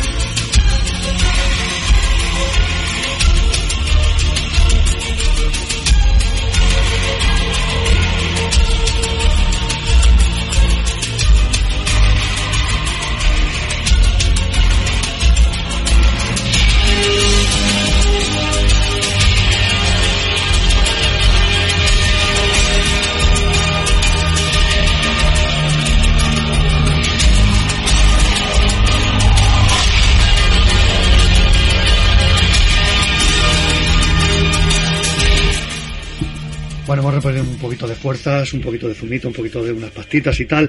Eh, ahora que estábamos hablando del tema de, ha sacado Sergio, creo, el tema de los artists de, de las commission y tal. ¿Qué os parece que en los salones, queda tú Juan, que los, pa- en los salones sobre todo, ahora parece que se haya dado un poquito de vuelco, antes nada más que veníais, venga, pum, a firmar, a hacer el, el dibujito en la editorial correspondiente y tal, Eh, que por cierto, en Madrid estuviste allí. ¿Qué os parece el tema del, del Artist Alley? Mm, Yo lo veo un contacto muy, muy directo ahora ya con el fan. eh, podéis estar, hay, un, hay una complicidad. hay- yo, yo me- por ejemplo, estuve hablando con Fornés y estuvo, vamos, genial. Sí, sí. Realmente, bueno. ¿Hablas tú? Bueno, o Juan, tú, si has estado en, en- en- has hecho algún Artist Alley tú. Yo he hecho Artist Alley, pero aquí no, eh, pero no en España. Eh, yo lo he hecho en, Inglaterra, he hecho un par en Japón, cuando he ido de viaje allí. Y, y la experiencia que yo he tenido, en España no la he tenido obviamente, pero sí que he oído pues, pues a gente como Jordi, como Sergio Juana Ramírez, Iván Coello, gente que, que sí que ha, ido, por ejemplo, al Salón de Barcelona y cuando empezó a hacerse la Alley aquí. Y, y bueno, la, la experiencia que me cuentan es un poco que, que bueno, la, la impresión que yo saco es que depende mucho del, fan en sí. Aquí en España hay poca, creo yo, poca cultura de, originales, de commissions y todo eso. Sí que hay un grupo de coleccionistas muy hardcore que les encanta esto y, van a por ti como, vamos, como presa, fácil. Pero el resto de gente eh, les cuesta más dejarse el dinero. Entonces, yo, por ejemplo, en Inglaterra y en Francia, eh, en Francia sobre todo, que creo que hay más cultura de, de cómic, allí la verdad es que me fue muy bien. Donde sí que me fue genial y yo creo que por el hecho de, de ser, de venir de lejos fue en Japón, donde se me gastaron una pasta que yo no me, yo no me esperaba. Entonces, eh, el contacto con el fan siempre es genial, porque la verdad es que yo aquí en Barcelona he hecho poquita cosa, eh, y más que nada firmar y tal, con posibilidad en el Salón de Barcelona, siempre en el stand te dejan firmar, con posibilidad de vender tus cosas y tal, pero la gente viene a, a una firmita, un dibujito gratis, y a saludarte, la foto, y, y, y poco más, ¿no? Eh, incluso, hombre, yo no sé, también hablo de, de, de mi nivel, que yo soy entintador, se me conoce bastante menos, yo no sé si alguien como, pues mira, mencionabas a Fornés, que este hombre te hace un bando en una servilleta y sale y se vende por millones, ¿no? Entonces yo no sé si a gente así que, que lo están petando ahora mismo, eh, igual la experiencia es otra, pero a nivel mío te puedo decir que, que depende mucho de, de, la cultura comiquera o no, no, no comiquera, sino la cultura de, comprar originales y de comprar, eh, pues no lo sé, artbooks y cosas así de, del país en donde estés. Yo es que te escuché en, tuit- en Twitter, no, perdón, en Facebook y sobre todo tú, Jordi, que estabas muy- te habías quedado una de las satisfacciones de, del Salón de Madrid, eh, había Sí. sido esa, el Artist Alley. Sí, sí, totalmente. Yo pienso que es de hace unos años se está fomentando el tema del Artist Alley. Creo que cada vez lo hacen mejor. Porque, claro, el, el, Alley, para, para mí, o lo que sé es el Artist Alley en Estados Unidos, es una zona donde los profesionales tienen su mesa para poder vender sus originales, sus commissions, eh, bueno, sus prints, lo, lo que sea, ¿no? Pero pasa que aquí en, España hay, veces que se confunde el art e incluso se puede confundir con la zona fanzine o la que, que porque ha- hay veces que dejan entrar eh, eh, mm, bueno no profesionales y entonces todo se mezcla un poco que a mí me parece genial toda la zona fanzine porque yo he estado años años y años eh, en la zona fanzine y he disfrutado he conocido muchísima gente he aprendido mucho. Entonces pienso que eh, todo en la vida tiene su momento y hay que pasar por distintas fases y hay veces que el, fan- el tema de la zona fanzine es la zona fanzine y una vez eres profesional pues estás en el arte y sale. Eh, simplemente me refiero mm, como una crítica bueno tal vez sabes pero pienso que es- vamos a mejor. Que pienso que cada vez en, en Madrid se hizo muy bien y cada año en Barcelona también se hace se hace cada vez mejor. Entonces para, para mí es una, es una experiencia buenísima porque también te, te hace, como tú decías antes, es- estar muy, muy cercano al, al público, Es- es genial. hablar con ellos tranquilamente, porque a veces en lo que es una sesión de firmas, o si vas a una tienda, a lo mejor estás una hora, o hora y media o dos como mucho. Entonces, sí, le haces la firma, pero no puedes estar ahí tranquilamente charlando con alguien que realmente le interesa el- tu trabajo y tal. Entonces, eh, estando en Artisale, pues estás prácticamente todo el día. Y la gente al final se cansa hasta de verte allí, ¿sabes? Porque claro, si estás todo el día, al final. Otra vez tú por aquí. claro, al final, encima, a, a última hora que ya todo el mundo se va yendo, tú sigues allí currando, ¿sabes? Y entonces, claro, dices, qué pesado, tío. Es que yo creo eh, que también es lo que dice Jordi, pero también es mucho lo que dice Juan. Aquí el problema que es, eh, es un poco en España. Porque tú sales fuera de España y te das cuenta del... del a ver, cuidado con lo que voy a decir ahora, no, no me malinterpreten, ¿eh? Eh, eh, no, no, bueno, Jordi te podrá decir, o, o Juan, ¿no? Que cuando sales, que tienes aquí a gente que, que, te, que te aprecia y que sigue tu trabajo y todo, pero cuando sales fuera de España, yo he tenido la sensación que eso se ha multiplicado. Porque mm, el trato es diferente, completamente diferente. Eh, y aquí en España es como un poco te regatean, como que dice. Eh, este, te toman como un poco. No sé cómo decirlo. Es como un Hay- poco. hay de todo, ¿no? Sí, Hay de todo. hay, hay un poco de todo, pero es como un poco. A ver, como, a ver, te digo Sí. el resumido, ¿no? Hay gente que, que saben a lo que van, o sea, gente que te pide el dibujo, saben que, que eso es un trabajo, es como un fontanero que viene a arreglarte el grifo de tu casa, tú lo tienes que pagar. Si tú quieres un dibujo, tú me tienes que pagar, ¿sabes? Sí, sí, sí. Otra cosa es que yo te lo quiera hacer gratis o que sea una, una hora que es que ya se haya patado, que es gratis, ¿no? Es kill free, ¿no? Pero eh, que hay mucha gente que todavía aquí en España no estamos acostumbrados al pagar, al coleccionar, pagando. Aquí la gente está muy acostumbrada, generalmente, habrá excepciones, al coleccionar, pero el, el gratis, el que te dice, ah, si esto lo haces tú en cinco minutos, esto eh, para ti no es nada. Que sí, que sí, pero hazlo tú, o sea, a ver si me entiendes. Y cuando sales fuera de España, eh, que, que lo bueno que, que lo que tú dices, que, que poco a poco aquí en España se está valorando más el tema del artijale, que es que cuidan más al autor y, y saben ponerlo, valor- va- valorarlo en el sentido y ponerlo en su sitio. Y es como que, que este es un, es un profesional, si tú quieres acceder a él, eh, accede, lógicamente, pero que, que no es... eh, a ver, ¿cómo te diría yo? Es que sin que sea un poco pedante. Eh, que no es... eh, no, ¿cómo te, Jordi, ayúdame. sí, sí, sí, no sé, que sí. Pero, pero, pero es, que, es que yo, por ejemplo, ahí veo que, que claro, hay, hay, está el Artisale Sí. y, y está la, la editorial. Tú estás haciendo, por ejemplo, Sí. estás haciendo Greenlander, Wonder Woman, sí, la Liga de la Justicia, ECC dice, señores, de 4 a 5 os quiero ver firmando ejemplares Eh, exactamente, eh, exactamente. En, en la de esto. Vale, ahí no hay ningún problema de que el tío... ¿Qué estáis? ¿Una hora? Pues sí, si sí. des una cabeza de, Gil- de Y- vale, y, es más, que estar ahí. y es más, estoy seguro que el 99,9% todos los profesionales que se han puesto a firmar, si han tenido que estar una hora, eh, porque está zapata una hora, han estado dos. Sí, y más, seguramente. siempre, siempre. Y han hecho más dibujos de los que deberían, y los dibujos a lo mejor han sido más curados de los que deberían, y no se han levantado ahí sin- hasta acabar todas las firmas de, de firmar, que todo el mundo se ha ido con su dibujo. Estoy segurísimo, o sea que yo con con eso yo creo que no se pueden quejar. Lo que, Creo, ¿eh? hablábamos, lo que hablamos al principio, ¿no? La superación esa de que uno tiene la sensación de que está haciendo algo más que un trabajo, ¿no? Sí, Es- sí, sí. Y aparte, a ti te- tú piensas que, bueno, tú también lo sabes, eh, tú, al currar solo en casa, tío, en un estudio, estás tú solo y tú, eh, tú sabes, tú haces tu trabajo, tú lo envías y tú no sabes cómo funciona el mundo. O sea, no, no sabes lo que pasa Sí, sí, con sí, eso. totalmente, totalmente. Y cuando vas a un salón o vas a un festival o cuando de estos, es cuando te das cuenta un poquito, recibes un poquito el pago que, que no es económicamente, sino re- reconocimiento un poco que te hace un poco de recargarte las pilas, a lo mejor en esos momentos que estás, oh, hostia, que muchas horas, que no sé qué, y te hace venir como, como una moto, de volver al curro y, hostia, como una recargar pilas. No, yo lo, yo lo disfruto. Yo he disfrutado más. Mi, es, mi, es mi primera prácticamente experiencia. Bueno, no, no aquí en Barcelona con, con Castellini. Tuve también un artisale y tal. Y la disfruto. Porque eh, poder hablar, eh, tal, ese, ese contacto, aunque, aunque después el dibujo me valga o que me valga, pero, pero, pero es que, es que disfruto, es que lo disfrutas porque has tenido ese contacto, ese tal, no sé, yo lo veo muchísimo mejor, vaya. Sí, sí, bueno, entonces si, si vas a Nueva York, entonces ya... No, no, no recuerdo quién es. ¿No estuviste tú en Nueva York? ¿Puede ser? No, yo no. No recuerdo. Yo estuve hace años, ¿eh? Estuve en, en la Comic Con de, de Nueva York Ah. y si te metes en el Artisari de, de Nueva York, de ahí no sales. Porque son pasillos, encima son...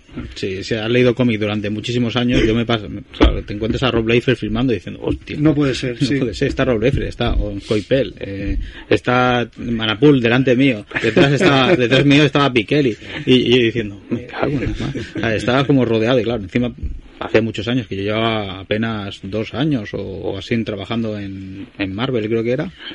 Claro, yo era nadie y estaba allí sentado y me encontraba rodeado de toda esta gente que eran grandes profesionales, ¿sabes? Y, y alucinabas. ¿sabes? Ahí te podías volver loco encima con todos los originales encima de las mesas. Madre mía. O sea, aquello es la perdición.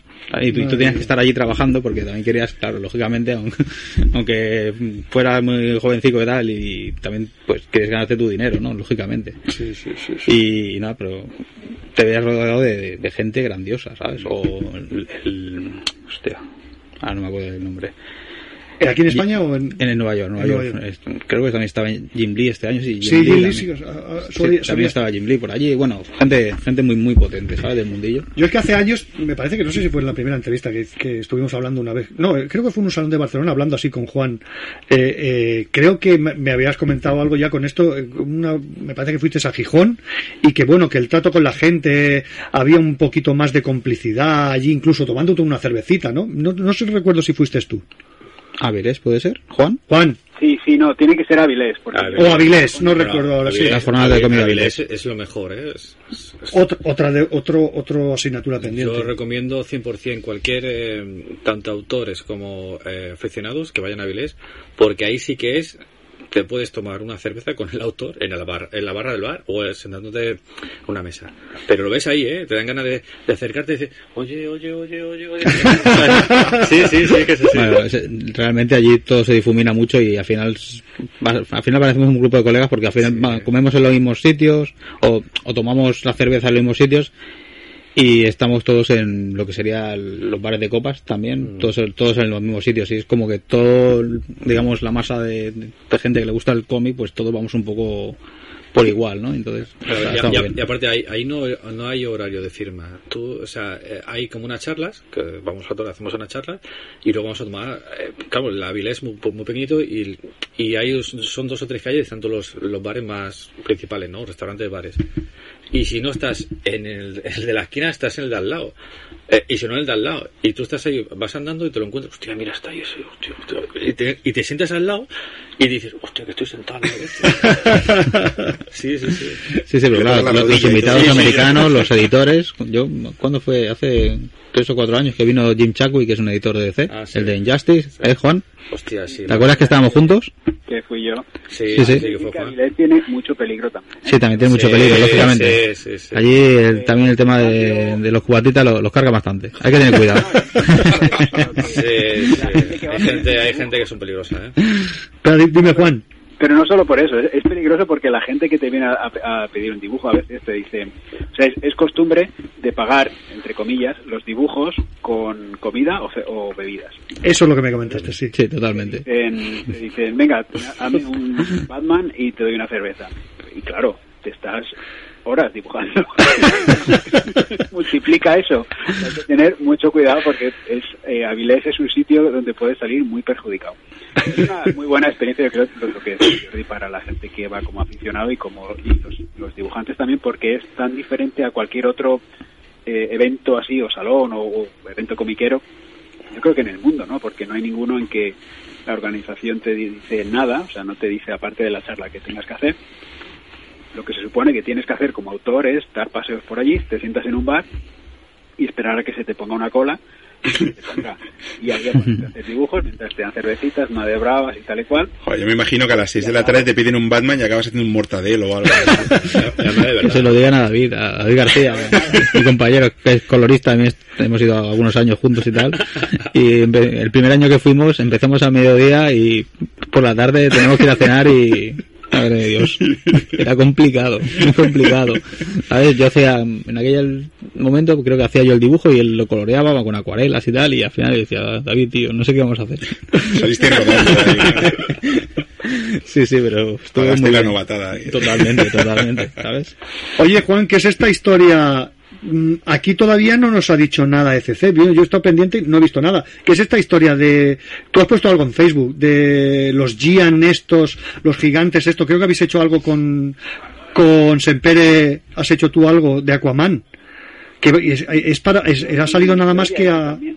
Sí, Jordi ha hecho también cosas ahí. Eso, La historia de eso Culpable. es culpable. He hecho eh, eh, Wonder Woman, Sí. he hecho también Aquaman, que comentabas, y una serie con Tom Taylor de, de villanos. de- era de, de Deathstroke, creo que era. Eso básicamente es una iniciativa de fe que empezó el año pasado, si no recuerdo mal, y que a mí personalmente me gusta bastante, y es que hacen unos cómics de 100 páginas, más Es- o menos, eh, y compaginan, o sea, mezclan historias nuevas, en las cuales son las que eh, Samper y yo hemos participado, y también Jordi creo que los Terrifics también ha hecho alguna cosa. Sí, el número 2 que hice con, con Iván Reis. Exacto. Y, y lo combinan con historias ya publicadas, ¿no? Son historias todo autoconclusivas, lo cual a mí me parece fenómeno para la gente que quiere, eh, pues los chavales sobre todo, que quieren empezar a leer un personaje y no tienen un personaje o, o cómics en general y no tienen que leerse toda la historia de, de ese personaje o seguir una continuidad, ¿no? Además, lo- lo- el punto de, gordo de esto para mí es que lo ponen en unos supermercados allí en Estados Unidos inicialmente que se llaman Walmart, que es, yo creo que es una especie de mercadona pero a lo bestia, una de mercadona Sí, sí, sí, son, son tipo Carrefour, ¿eh? Sí, y, y están por todas partes, están en todas partes en Estados Unidos, es el, el, digamos la cadena de supermercados más populares y tienen de todo. Entonces, que haya cómics allí, y creo que son los únicos cómics que hay en, en esta tienda, pues eh, bueno, que hay muchos ojos que pasarán por esos cómics. Entonces, a mí me parece una idea muy buena de que la familia vaya a hacer la compra de la semana y el chavalillo o la chavalilla vea esos cómics ahí a 4 dólares, 4,99 creo que es, que es muy relativamente poco dinero y traen historias que no tienen equipaje, es decir, no te, no te tienes que haber leído el anterior, ni la anterior, ni para leerte el 2 te has leído el- el 1, ni para leerte el 1 la historia de ese personaje en, en un arco o en otro o lo que sea. ¿no? Eh, una cosa, Juan.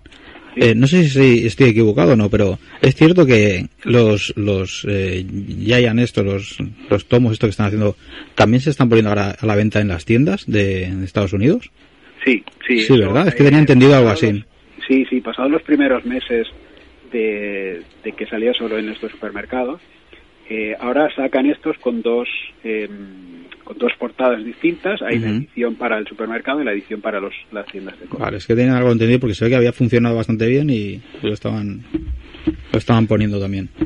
Exacto. Y ahora cuando, cuando la editorial te envía las, las copias de- del trabajo que has hecho, te envían las dos, las dos portadas y pone edición Walmart y edición Ah, para, para las tiendas de cómic.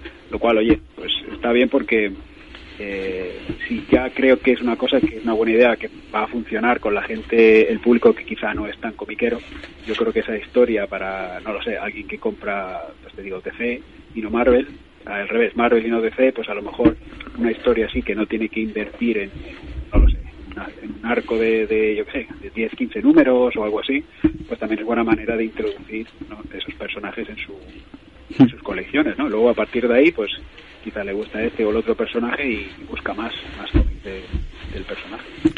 Y, pero ¿sabéis si saldrá aquí? Pues, No sé si Juan o Jordi o Mm, Sergio sabéis si, no si creo, esta ¿eh? historia saldrá. Hostia, pues es una pena, porque viendo... Es que son cómics, piensa que son cómics que sí que es verdad que a lo mejor el de Superman, como que estamos ahora, bueno, hacemos, hacemos alguna portada y tal, pero lo que es Superman, eh, sí que el cómic de Superman sí que es original, que se publica, pero claro, todas las historias que, que hay, eh, de, no sé, son 80 páginas pueden ser. Lo, el total creo que son 100 O- páginas. ah, no, sí, verdad, era 100, 100 páginas, verdad, cierto, cierto. Y todo lo demás eh, son historias repetidas, o sea que se han publicado. Entonces, claro, igual aquí en, ya se han publicado, entonces igual no les sale a cuenta sacar ese tomo tan grande con cosas que ya están publicadas y a lo mejor ya están en las estanterías. Entonces, no sé si se llegará a publicar, no lo sé. ¿eh? Pues es una pena, porque... Sería buena idea que hicieran una especie de recopilación de todas las nuevas. Por ejemplo, la historia nueva del número uno, la historia Exactamente, eso sí que sería genial. De hecho, eso lo compraría también. hicieran una, una recopilación, porque al ser autoconclusivas puedes, puedes meter todas las historias que quieras ahí mezcladas.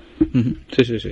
Oye, Juan y Sergio y Jordi, eh, yo organizo eh, muy humildemente también eh, talleres de, de dibujo de eh, para chavales que quieren aprender a dibujar cómic. Aquí en Gabá somos una ciudad pequeñita, bueno, tú eres de Viladecans, entonces conoces un poquillo el, el tema. Y entonces, eh, sabes que, que cualquier chaval que, que esté en, el, cinturón metropolitano de Barcelona y quiere aprender a dibujar cómic y eres un chaval con 14 años, 15 años, 10 años, es complicado porque escuelas de cómic en, en el cinturón no hay. Entonces, bueno, yo creo que lo- los, los centros cívicos están haciendo un- una buena faena y de vez en cuando pues organizan algún taller de cómic y tal, en alguna academia, desde aquí saludo a la Academia Valderrama, donde doy clases también. Y entonces, eh, cuando, cuando pensáis la gente, o sea, habéis, primero habéis tenido la oportunidad de, de dar clases a- de dibujo, asistir a algún taller o algo y, y ¿qué es, qué- qué- cuál es vuestra experiencia, o sea, qué, qué veis cuando vais ahí, qué, qué os parece? Eh, eh, bueno, yo fui alumno de Jaime Calderón, estuve cuatro años ahí en su escuela y luego fui profesor allí durante unos siete, ocho meses más o menos. Y como experiencia, eh, pues muy buena. Sí, es muy una buena. pasada. Muy buena porque es muy bueno porque te, te encuentras de todo, ¿eh? Gente que eh, que está en una edad eh, de que se piensa que lo saben, que lo saben todo. sí, sí, sí. Y tú, tú- tú le tienes que dar ahí, cuando empieces a, a- a darle un poquito de, de base de dibujo, de, de simetría de las, de las caras y un poco que y se dan cuenta que, hostia, si esto es más complicado de lo que yo pensaba. Y se, los pones un poco en su sitio y, y quieren aprender. Y hay otra gente que, que lo toma como hobby y, y son muy buenas. O sea, hay, hay gente que te sorprende, pero un montón. Incluso hay mucho talento desaprovechado. Totalmente. Que te encuentres y dices, hostia, es, es buenísimo para la edad que tienes, a lo mejor niños de 11 años que hacen cosas muy buenas. Sí, sí, yo lo he visto eso. Y, y, te, y te dan ganas de, de, de achucharlo un poquito para que aprenda más, porque es una es un desperdicio que no quiera seguir aprendiendo, o que no pueda, o que, o que mm, priorice más la consola antes que el No, lápiz. ya no la consola, que, que los mismos padres, a veces yo me, me encuentro, no, es que lo he apuntado a béisbol. Sí, pero si el niño dibuja como una bestia, pero si, ¿cómo- ¿cómo vas a sacar a este niño? No le quites el dibujo. Y a veces no los hemos... ¿Y, y qué consejo le daríais vosotros ahora, desde ahí, desde la cúpula, y un poco, eh, el- para eh, un chaval eh, joven, 14 años, 11 años, 15 años, que se quiera dedicar al mundo profesional, eh, sí, que trabaje mucho, todo, pero ¿qué, qué, qué le aconsejaríais? ¿Qué, ¿Por dónde...? Yo, yo por lo menos por mi parte, yo me acuerdo que con esto del, del dibujo, yo pensaba que para ser dibujante de, de, de Fórmula 1, yo sé, de, dibujante de cómic era una cosa imposible. Es como si tienes un hijo y te dice tu hijo, papá, quiero ser eh, como Fernando Alonso. Y tú dices, ¿pero dónde coño voy a picar? ¿Qué- qué- qué- ¿Dónde coge? Vámonos a los caras de Castelldefels, ahí date una vuelta. ¿Sabes? Porque no tienes ni idea ni a dónde ir, ni qué hacer, ni nada. Porque hasta llegar ahí, no sé, es como una carrera, quieres ser abogado, te vas a la universidad y te la sacas, ¿no? Bueno, si, si te lo sacas. Y, pero esto es, un- es complicado, ¿no? Y cuando, y yo los consejos que le doy es, que es, si quieren, y si quieren dedicarse a este mundillo, eh, que no pierdan la ilusión. Y hoy en día con las redes sociales, el, los, Ha cambiado mucho el tema, ¿eh? Es más O sea, fácil. de cuando empecemos nosotros. Claro, imagínate. Vosotros empezasteis en los 90, 90 y algo. Bueno, principio de 2000. mm, a ver, Claro, me- cuando digo empezar es cuando eres jovencito, que claro. Joder, bueno, tenemos 15 o 16 Claro, cuando tienes 14 o 15, lo único que había, bueno, por suerte que estás en Barcelona, está la Joso, que se sí. mueve en el mundo del cómic, y a partir de ahí, pues, tener mm, ciertas ideas de lo que se puede cocer, e incluso ver gente profesional que te da clases y que se dedican a ello. Entonces, ahí puedes tener una idea de lo que, que sí que se puede ser. Jo, yo tuve a Iron ahí de profe. ¿A quién? Iron. No lo conozco. El de Ángel, eh, sí, sí. buah. Ya digo, estuve, estuve en Barcelona, estuve un año y en Sabadell creo que estuve otro medio año y Con está. Rebollo también. En Rebollo sigue en Joso haciendo... Rebollo está, de, Rebollo, está de no. tatuador ahora. Está, está tatuando y además da clases en Joso para porque ahora no quieren ser dibujantes de cómic, ahora quieren ser todos tatuadores. Ahí. Hombre, claro. Más No pasta, son- y- más no son pasta tontos. y menos tiempo. Sí, sí, desde luego, no son tontos, ¿no? Pues sí, sí, sí, sí. Oye, Juan, eh, me gustaría saber una opinión. Yo sé que tú eres muy técnico en, en estos temas. Me gustaría saber cómo, cómo has llevado. Yo, para mí, fue la noticia del año, el año pasado. Eh, ni Spider-Man, ni Vengadores, ni nada. El cierre de Vértigo. ¿Qué, qué te pareció esta historia? Eh, a ver, yo entiendo la pérdida del valor sentimental que tiene el nombre, pero creo que si ahora miráis lo que está haciendo DC con eh, DC Black Label, Sí. es básicamente lo mismo. Lo que pasa es que Vértigo tiene un nombre con mucha historia, con, Joder. mucha- con mucho peso, pero sí, yo creo que, que desde- desde- si nos ponemos en, sus, en, su, en su lugar, em, yo creo que a ellos el nombre ya no tiraba, seguramente lo veían en ventas, lo de la línea Vértigo ya no tiraba como tiraba antes. Creo que ahora que algo tenga el logo de fe, quizás atrae más que el logo Vértigo, excepto para los románticos y los sentimentales eh, que tenemos una edad como somos nosotros. ¿no? Entonces, si nos centramos en los cómics que están sacando, eh, yo personalmente no tengo ningún problema, pero sí que, que, bueno, el duelo y la lagrimita hay que pasarlo, ¿no? Porque, porque desde luego es un, un sello que ha, que ha dado muchos, muchas cosas buenas, ¿no? Eh, hay que comprenderlo, es el, yo creo que es el, los tiempos que vivimos. Pero tú, tú- tú piensas, Juan, que igual en, en algún momento, dentro de, no sé, X años, vuelven a sacar la nueva Vértigo, ¿sabes? Entonces, todos los, el- la gente que le sonaba y tal, otra vez lo volverá a coger. Y es como cuando muere un, un personaje y luego lo revives otra vez, lo pillas con ganas. Podría ser. No me extrañaría en absoluto, porque aquí, Claro. como básicamente todo va por un poco por los, las ventas, pues si la Black Label esta no funciona, pues igual te que tirar de, de Vértigo. Hombre, la- las cositas que están sacando el- por la edición y todo lo demás está muy bien. Precisamente hace poco me hice con el Kingdom Come, el de Superman que la han reeditado bajo el sello este y hoy tenía una tenía una pintaza eh, la edición bastante maja, vaya. Pero bueno, es que claro, Vértigo, predicado, es que, hay tantas cosas que, que dices, ostras, no, no, sí, lo que tú dices, un nostálgico, pero bueno, yo para mí que es un, es algo que no tenía que haberse, que te- lo tenían que haber mantenido, no sé si ahí tuvo algo. No, yo, yo estoy de acuerdo y imagino que su, su razón de, de business, de parte de negocios, tienen que tener para que eh, hayan hecho algo tan gordo, ¿no?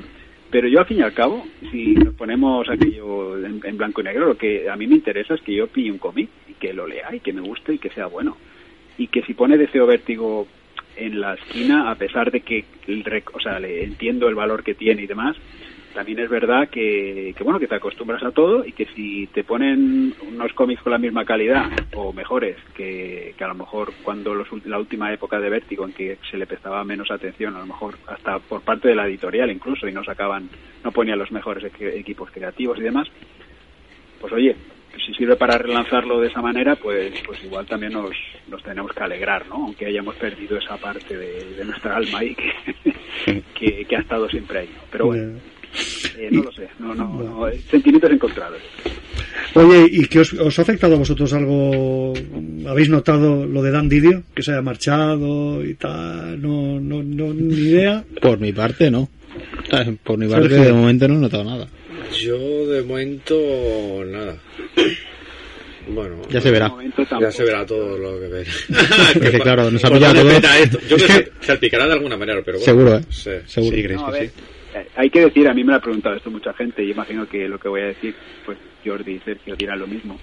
y es que a, a determinados niveles o determinados tipos de, de movimientos que hay dentro de las oficinas de DC, a nosotros no, no se nos informa, o sea, no se nos Sí, realmente, Juan, ¿te acuerdas de que hubo un movimiento que también se despidieron a varios editores y tal? Y al final eh, las, las colecciones deben continuar. Entonces, eh, si el grupo artístico más o menos está ya consolidado y tal, normalmente no, no te afecta demasiado. O, o ellos intentan también que no, no te afecte, no afecte demasiado, ¿sabes? Bueno, pero yo creo que supongo que será por el rumor que corre mucho ahora por internet de que si Disney va a comprar DC, que si el Dan Didio, que si como es un jefazo jefazo, pues yo qué sé, son, son rumores. Ahí no sé, que es imposible. Yo, ojalá que no, porque yo creo que no tiene que. Igual que. A ver, la- lo tengo que tirar un poco a la comparativa del fútbol, ¿no? No puede haber un Madrid sin un Barça y un Barça sin Madrid. No, pero Y- eh, en Estados Unidos no, no dejan, no dejan Sí, eh, en la principio, ley- por la ley de, empresas. el monopolio dicen no que, es- pueden. que está prohibido, dicen, pero claro, a veces pueden haber... Puedes vender solo la parte. Eh, sí, eh, exactamente. Entonces, Ya, eh, habrá maneras de, ¿sabes? Pero no sé, yo creo que será todo bulo. Bueno, no, no es la primera vez que suena. Sí. Disney, bueno, Disney o Sony. Un día ya Disney comprará a Estados Unidos también. Sí, no, el paso que va. Es, es- es una cosa que. ya directamente. Raúl, venga, y ya, ya vamos a ver si acabamos. Yo tengo un cuestionario muy pequeñito de tres preguntas rápidas, de, de- Venga. nada, para un minuto para los tres, ¿eh? Os las lanzo ahí. Es, yo le he titulado el cuestionario del cuñado del cómic. Son preguntas muy directas y espero también respuestas muy directas, ¿eh? ¿Sois más de Fraceta o de Will Eisner? Hostia, lo tengo clarísimo. Espera, Juan, Juan, tú. Yo es que el, uno de los primeros cómics que yo recuerdo cuando te hablo de que es curioso que con esta edad, pero cuando yo tenía 6-7 años cayó en mis manos un Spirit y yo puedo decir que estoy dibujando hoy en día porque a mí en aquella edad me cayó en mis manos un Spirit. Yo soy muy fan de Spirit. Muy- Estoy contigo, estoy contigo, Juan. Jordi. Totalmente, de acuerdo. Eisner. Eisner. y- Hombre, yo faceta, por Dios. No, no sé por qué me esperaba esta respuesta. por una parte. estaba, está- se estaba poniendo hasta rojo el tío enfadado aquí de lo que estabais diciendo. Golpe. Basta. Sacar el hacha aquí.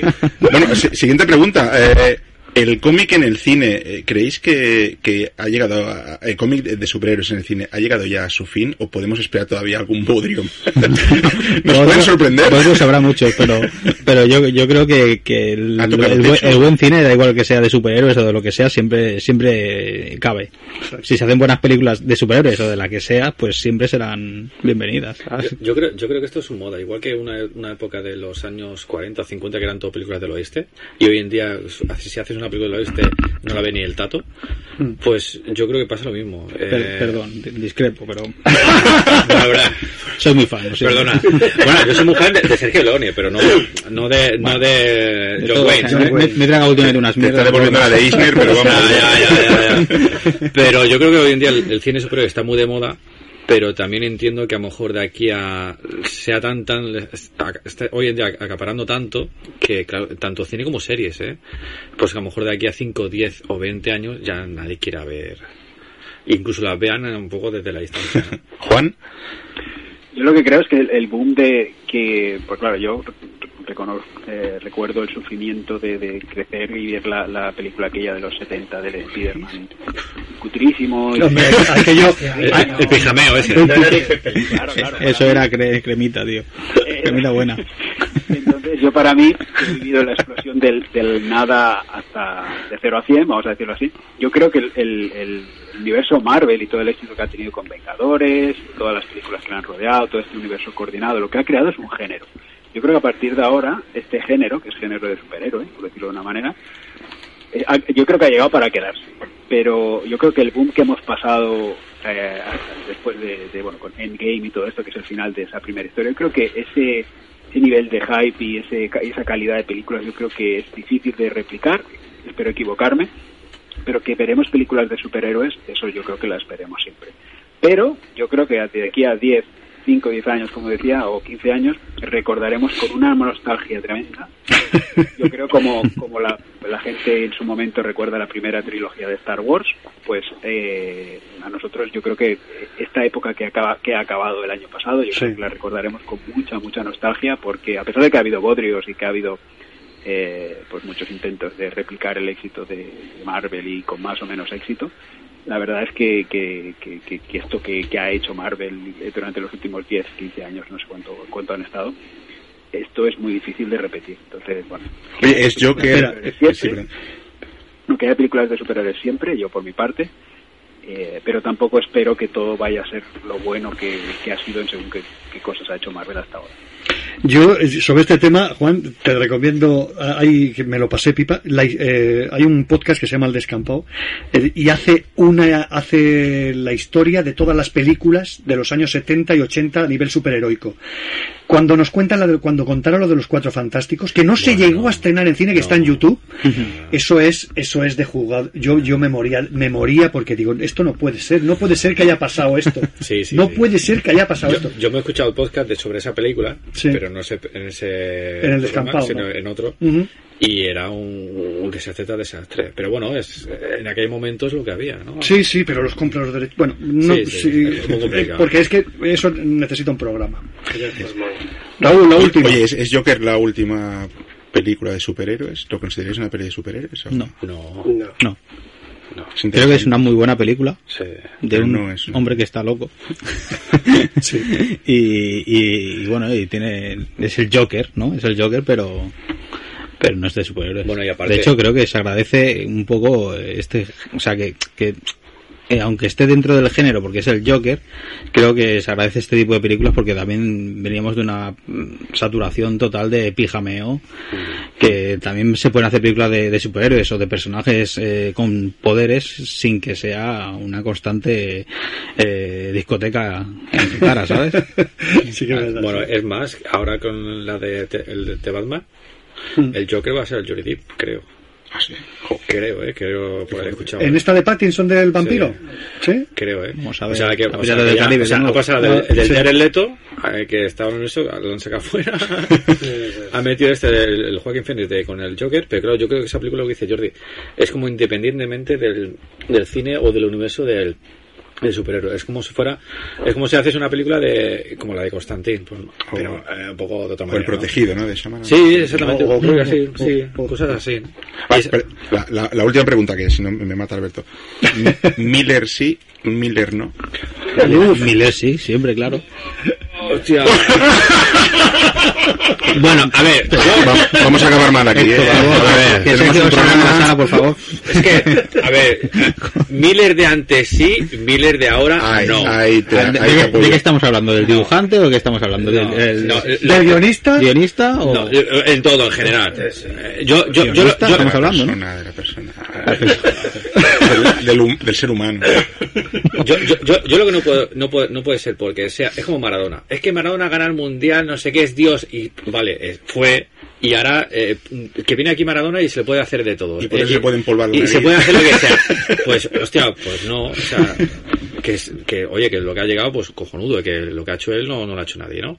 En en ese sentido, Frank Miller, ¿no? Que ha hecho como, ha reinventado el mundo del cómic, ¿no? Entre comillas, le ha dado un, un- un puñetazo encima de la mesa. Pero eh, ya, ya, ya, ya, Ya basta. ya. Rompe- Sergio sí, Jordi. Juan, eh, per- eh, Juan, perdón, eh, eh, perdón, Miller no para Sergio, Jordi eh, sí. Sí, claro. Está. Juan de Juan. Hombre, yo Mi- Miller sí siempre, y en referencia, yo entiendo lo que dice Sergio, yo Miller sí siempre por todo lo que es su carrera. no, no, no, pero especificando que, que ob- obviamente todo artista o todo dibujante que, que tiene una carrera de décadas, pues tiene sus fases mejores o No, peores. no o- estoy de acuerdo ahí. Discrepo. Que Miller que va a plegar la servilleta, que está ahí. No, no, no, quiero decir que, o, o vamos a decirlo así, no mejores o peores, sino tiene sus, sus épocas que a mí me pueden gustar más o menos. Oye, Juan, pero, Pero esa eso que estás comentando, hay una discusión. eh, por ejemplo, Bernie Wrightson, lo perdimos hace muy poquito. Jo, yo, yo no he visto un bajón de Wrightson en la vida, Fraceta. No, No, he visto un